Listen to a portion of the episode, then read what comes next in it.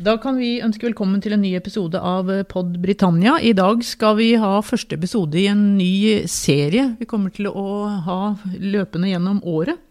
Vi skal snakke om en del britiske forfattere som både har speilet og formet sin tid. Førstemann ut er Roald Dahl. Jeg heter Trine Andersen, og med meg her har jeg min kollega Øyvind Brattberg, som ikke bare er ekspert på britisk politikk, men også på Roald Dahl, som han ga ut en bok om i 2016. We shall never surrender. The pride in who we are is not a part of our past.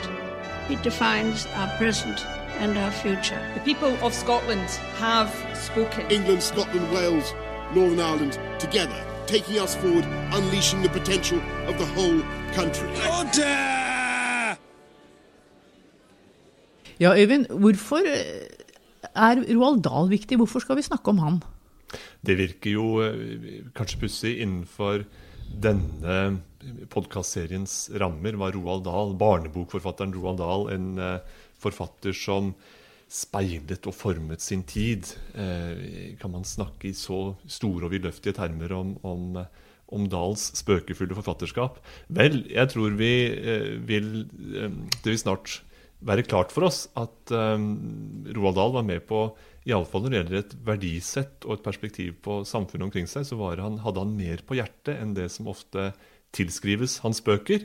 Og dessuten så har han dette um, norsk-britiske ved seg som gir en masse perspektiver på hva som er eh, hva som kjennetegner den norske, den norske folkesjela så vel som den den britiske, og hva slags paralleller man, man, finner, hva slags forskjeller, og hva som i bunn og grunn er verdt å leve for og strekke seg etter. Og det var Roald Dahl veldig opptatt av i alt sitt forfatterskap, hva som er verdt å nettopp leve for og, og strekke seg mot for virkelig å være den man, man, man, skulle ønske seg i livet. Ja, Du har jo kalt uh, den biografien du ga ut om han Roald Dahl 'Grensesprengeren'. Det, det sier også sitt. Hvilke grenser var det han sprengte da? Han sprengte i alle fall grenser for hva som er sømmelig eh, barnelitteratur, eh, og, og, brøt med mye av den tradisjonelle eh, oppdragerfunksjonen som barnelitteratur typisk har, har, hatt, og er jo i så måte et, et voldsomt sprang fra la oss si Ann-Kat. Westli, Astrid Lindgren, Torbjørn Egner, mange av de som, har, som, som preget både norsk etterkrigstid og veien inn mot uh, eh, 70-80-årene. Fundamentalt annen måte og frigjort måte å skrive barnebøker på. Så der sprengte han grenser. Han sprengte også grenser mellom både virkemidler og tema fra barne- og voksenlitteratur eh, i, i, i, stor grad. Og så Hvis man først er opptatt av grenser, så er det også dette kulturelle, åpenbart. At han, han eh, higet tilbake til det Norge hvor hans eh, foreldres røtter var. Eh, og samtidig var han på sitt vis erkebritisk. Og hans, på, på, på, kanskje også typisk britisk maner for, for øvrig, så, så, strakte han seg mot andre horisonter. Denne beundringen for, for eh, Amerika, for det amerikanske, som han spesielt fikk under under krigen. Og også erkjennelsen av å være del av en, en stormakt og et, et imperium som, som, kunne gå inn i liksom hans eget bombastiske verdenssyn. Hvor han på et vis kunne sprenge grenser for hva som var mulig både å, å tenke og å si. Så han var en, eh, en grensesprenger i både litterær, moralsk og politisk forstand, tror jeg man kan si. Skal, vi, skal, vi, gå helt tilbake til begynnelsen? Han er altså født i 1916 i Cardiff i, i Wales mm. av norske foreldre. Kan du fortelle litt om deres bakgrunn? Far eh, Harald var jo en eh, ikke utypisk eh, norsk emigrant, kan man si, som, som på slutten av 1800-tallet, altså på vei inn i 1890-årene, utvandret fra Oslo sammen med, med sin, yngre, sin, yngre, bror. De var slaktersønner.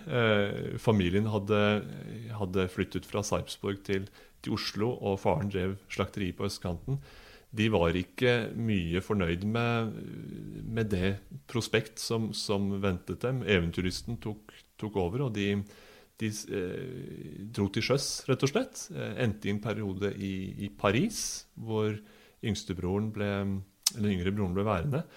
Harald, som da skulle bli Roalds far, reiste videre til, til Cardiff, og der slo han seg opp med, et, eh, med en eventyrlig forretning som, eh, som eh, den som kunne forsyne skipsfarten, ankom, innkomne skip, med alt de måtte trenge av, eh, av, av utstyr og, og, hjelpemidler. Og i partnerskap med sørlendingen Ludvig Odnesen så ble Odnesen og Dahl et, et stort eh, skipsmeglerfirma i, i, Cardiff.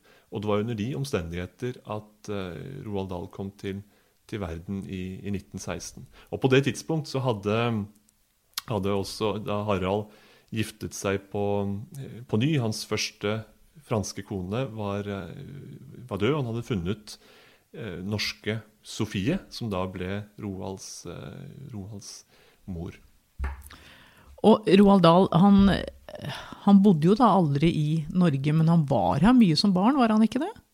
Han var her mye som, som barn. Disse årlige sommerferiene på, Tjøme var det som, som etablerte båndet til, til, Norge i hans barndom og disse somrene på 1920-tallet. Eh, de de fortelles det jo livlig og lystelig om i um, den selvbiografiske 'Gutt', som beskrevet mange mange år senere, naturligvis, på slutten av hans forfatterskap.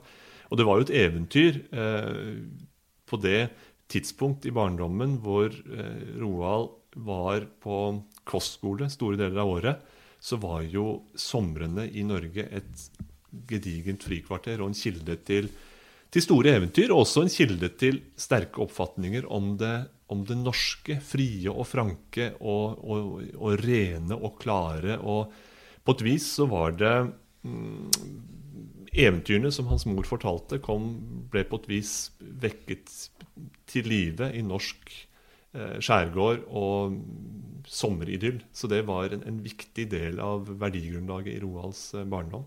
Samtidig så sier du at han, var, han gikk på kostskole, han var erkebritisk. Eh, men finner vi igjen noe av, eh, av det norske i, i, barnebøkene hans? Det er noe av dette som er så himla fascinerende med Roald Dahl. At han er jo formet av britiske institusjoner, formet av, av kostskoleliv senere av uh, sin tid i, i, i militæret og diplomatiet under krigen og del av, av britisk samfunnsliv, hvor han på et vis får et verdisett servert der, samtidig som han higer tilbake til dette, dette norske som han spesielt har fra, eh, fra moren, som dreier seg om liksom den frie tanke, selvstendige tanke og troen på, på, på, på eventyr i stort og smått, og med, med plass omkring seg med kilder til, til, spenning og mystikk på hvert et hjørne. Og Dette dukker jo opp igjen i, i, barnebøkene, og da fortsatt på slutten av hans eh, litterære karriere, når han skriver om, om heksene f.eks., og realiteten vender tilbake til det Norge han kjente som barn, og som han fikk formidlet fra, fra sin mor. Men du, eh, Vi skal ta et lite sprang fra, fra hans barndom, fra kostskolen og, og, og til krigen. Han ble flyger, forstår jeg, i i det britiske flyvåpenet. Og det var vel da under krigen også at han debuterte som, som forfatter med noe helt annet enn barnebøker? Ja, dette her er jo en, det er jo en, egentlig, det er en veldig dramatisk forhistorie, og som, som, eh, de færreste som kjenner Dahl som barnebokforfatter, egentlig har noe, noe forhold til. For han, han, ble jo kastet inn i krigen som, eh, som pilot. På det tidspunkt befant han seg i, i Afrika, i, i, Tanzania, i arbeid for for Shell, en slags trainee, utsendt for, eh, for, forskjell på det tidspunkt krigen bryter ut.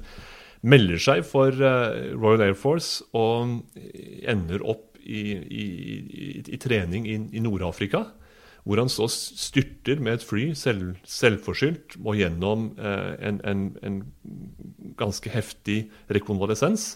Og så kommer han i, blir han del av luftkampene i Hellas Eh, etter hvert så, så, tar hodesmerter og annet, annen elendighet overhånd, og han blir eh, dimittert og sendes så til Washington som del av det britiske eh, diplomatiet. Men erfaringene med, eh, som jagerflyver, erfaringene fra den, de korte, men heftige trefningene i Hellas, det blir det han skriver sine krigsnoveller om, og som blir de, de, de første han, han utgir.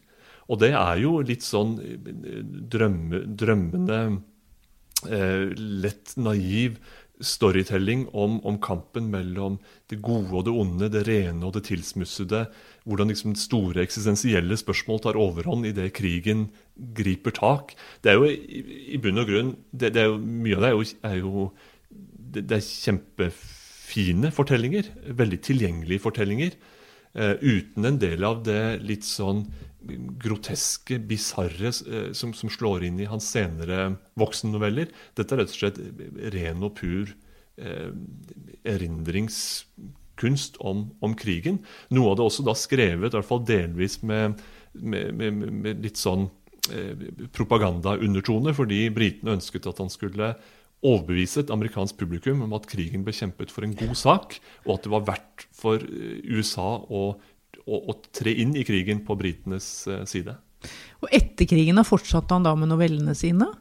Det ble jo en, en fortsettelse av novellene, men med endret tematikk inn på, på 1950-tallet, etter hvert som krigen ble et fjernere minne og erfaringene fra USA var blitt flere, så overtok jo på et vis tema fra fra eh, velstående amerikansk forstadsliv, altså ekteskapsintriger, de bisarre innfall som kan, kan, eh, inntreffe i et vanlig sånn borgerlig liv i, i, USA.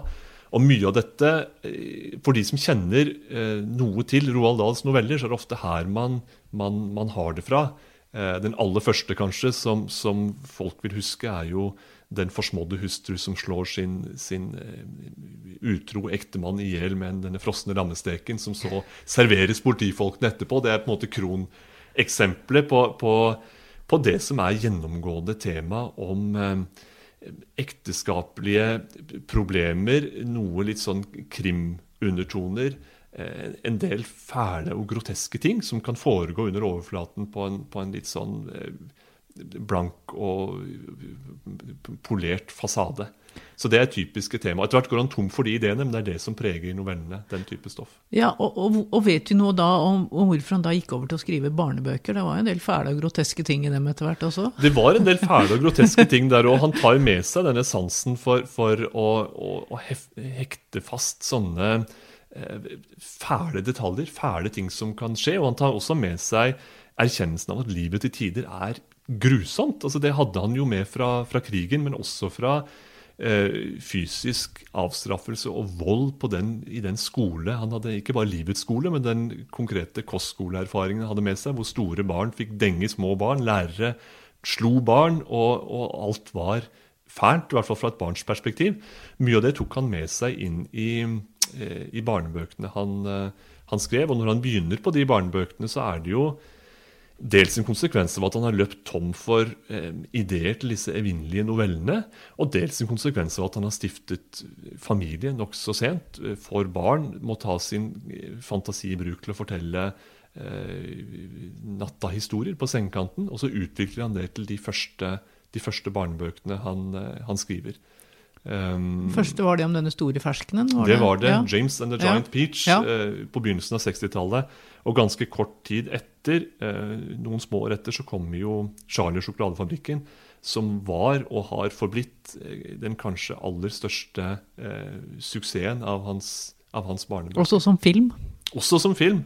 og den har jo et veldig sånn universelt eh, tema også. Den, den, den, ble lest med, og veldig populær i Kina, av alle, av alle, steder. Men det illustrerer jo at den storyen om en liten eh, Askeladd av en gutt som, som, har den store drømmen om, om sjokoladefabrikken, som, som er liksom på toppen av, av bakken der eh, Det er på et vis Askeladden overført til en litt sånn brutalisert eh, storby. Eh, komplett fattigdom den store, store, drøm som vesle Charlie skal komme i møte, og, og den litt sånn Krøsus-aktige eh, fabrikksjefen, den, den, den, har hatt global appell og er en historie som fungerer eh, utmerket. Men din fascinasjon for Roald Dahl, eh, oppsto den allerede i, i, i, barndommen? Var han en favorittforfatter for, for, deg da? Han var en stor favoritt i min barndom, og det, det, det var på 1980-tallet. Og det, det, var jo egentlig først da at eh, Dahl slo gjennom med full kraft i, i, Norge. Det var han også bitter over. Altså Han døde i 1990. Det siste tiåret av hans liv var veldig produktivt. Han skrev flere av sine største bøker. Eh, 'Heksene', 'Store vennlige kjempe', 'Matilda' kom på 1980-tallet. Men det var også da, først da at nordmenn egentlig fikk øynene opp for ham, både som barnebokforfatter og, og voksenforfatter. Og det til tross for at han syntes han hadde eh, han, han syntes jo selv at han alltid hadde skrevet godt, men også at han hadde hatt en, en sånn eh, fascinasjon for det norske og et slektskap for det norske, og likevel ville ikke eh, et norsk publikum egentlig anerkjenne ham. De var ikke interessert i ham før altså helt på, på slutten. Men da jeg vokste opp, så var, jo, var han jo brått blitt veldig, veldig populær. Um, og en, altså det var jo egentlig via litt sånn underlige bakveier. Georgs magiske medisin blant annet, var jo blitt en slager på, på, på norsk radio og var en sånn døråpner. Og så fikk man litt ekstra eh, vann på mølla med både Charlie Sjokoladefabrikken, Danny store fasanjakten, og så kom Matilda og SVK, og Gutt, som oven i kjøpet hadde norske erindringer som, som, del av det. Slik at 1980-tallet ble en veldig sånn eh, grotid. Eh, og det satte et veldig preg på, på min barndom, eh, og det gjør nok at jeg som vokste opp da, har et, et nærere forhold til Roald Dahl enn en, en du har fra tidligere i livet. Absolutt. Og, eh, men leser du Roald Dahl igjen nå som, som voksen? Nå har du jo fått, fått barn sjøl. Har du tenkt å lese Roald Dahl for dine barn når de blir litt eldre? De skal være litt eldre. Eh, både fordi det som Det er jo såpass mye såpass, såpass, drøyt, en del av det. Det er ganske at, at man, tøft. Eh, jeg syns man skal ha barn i skolealder før man går, ja.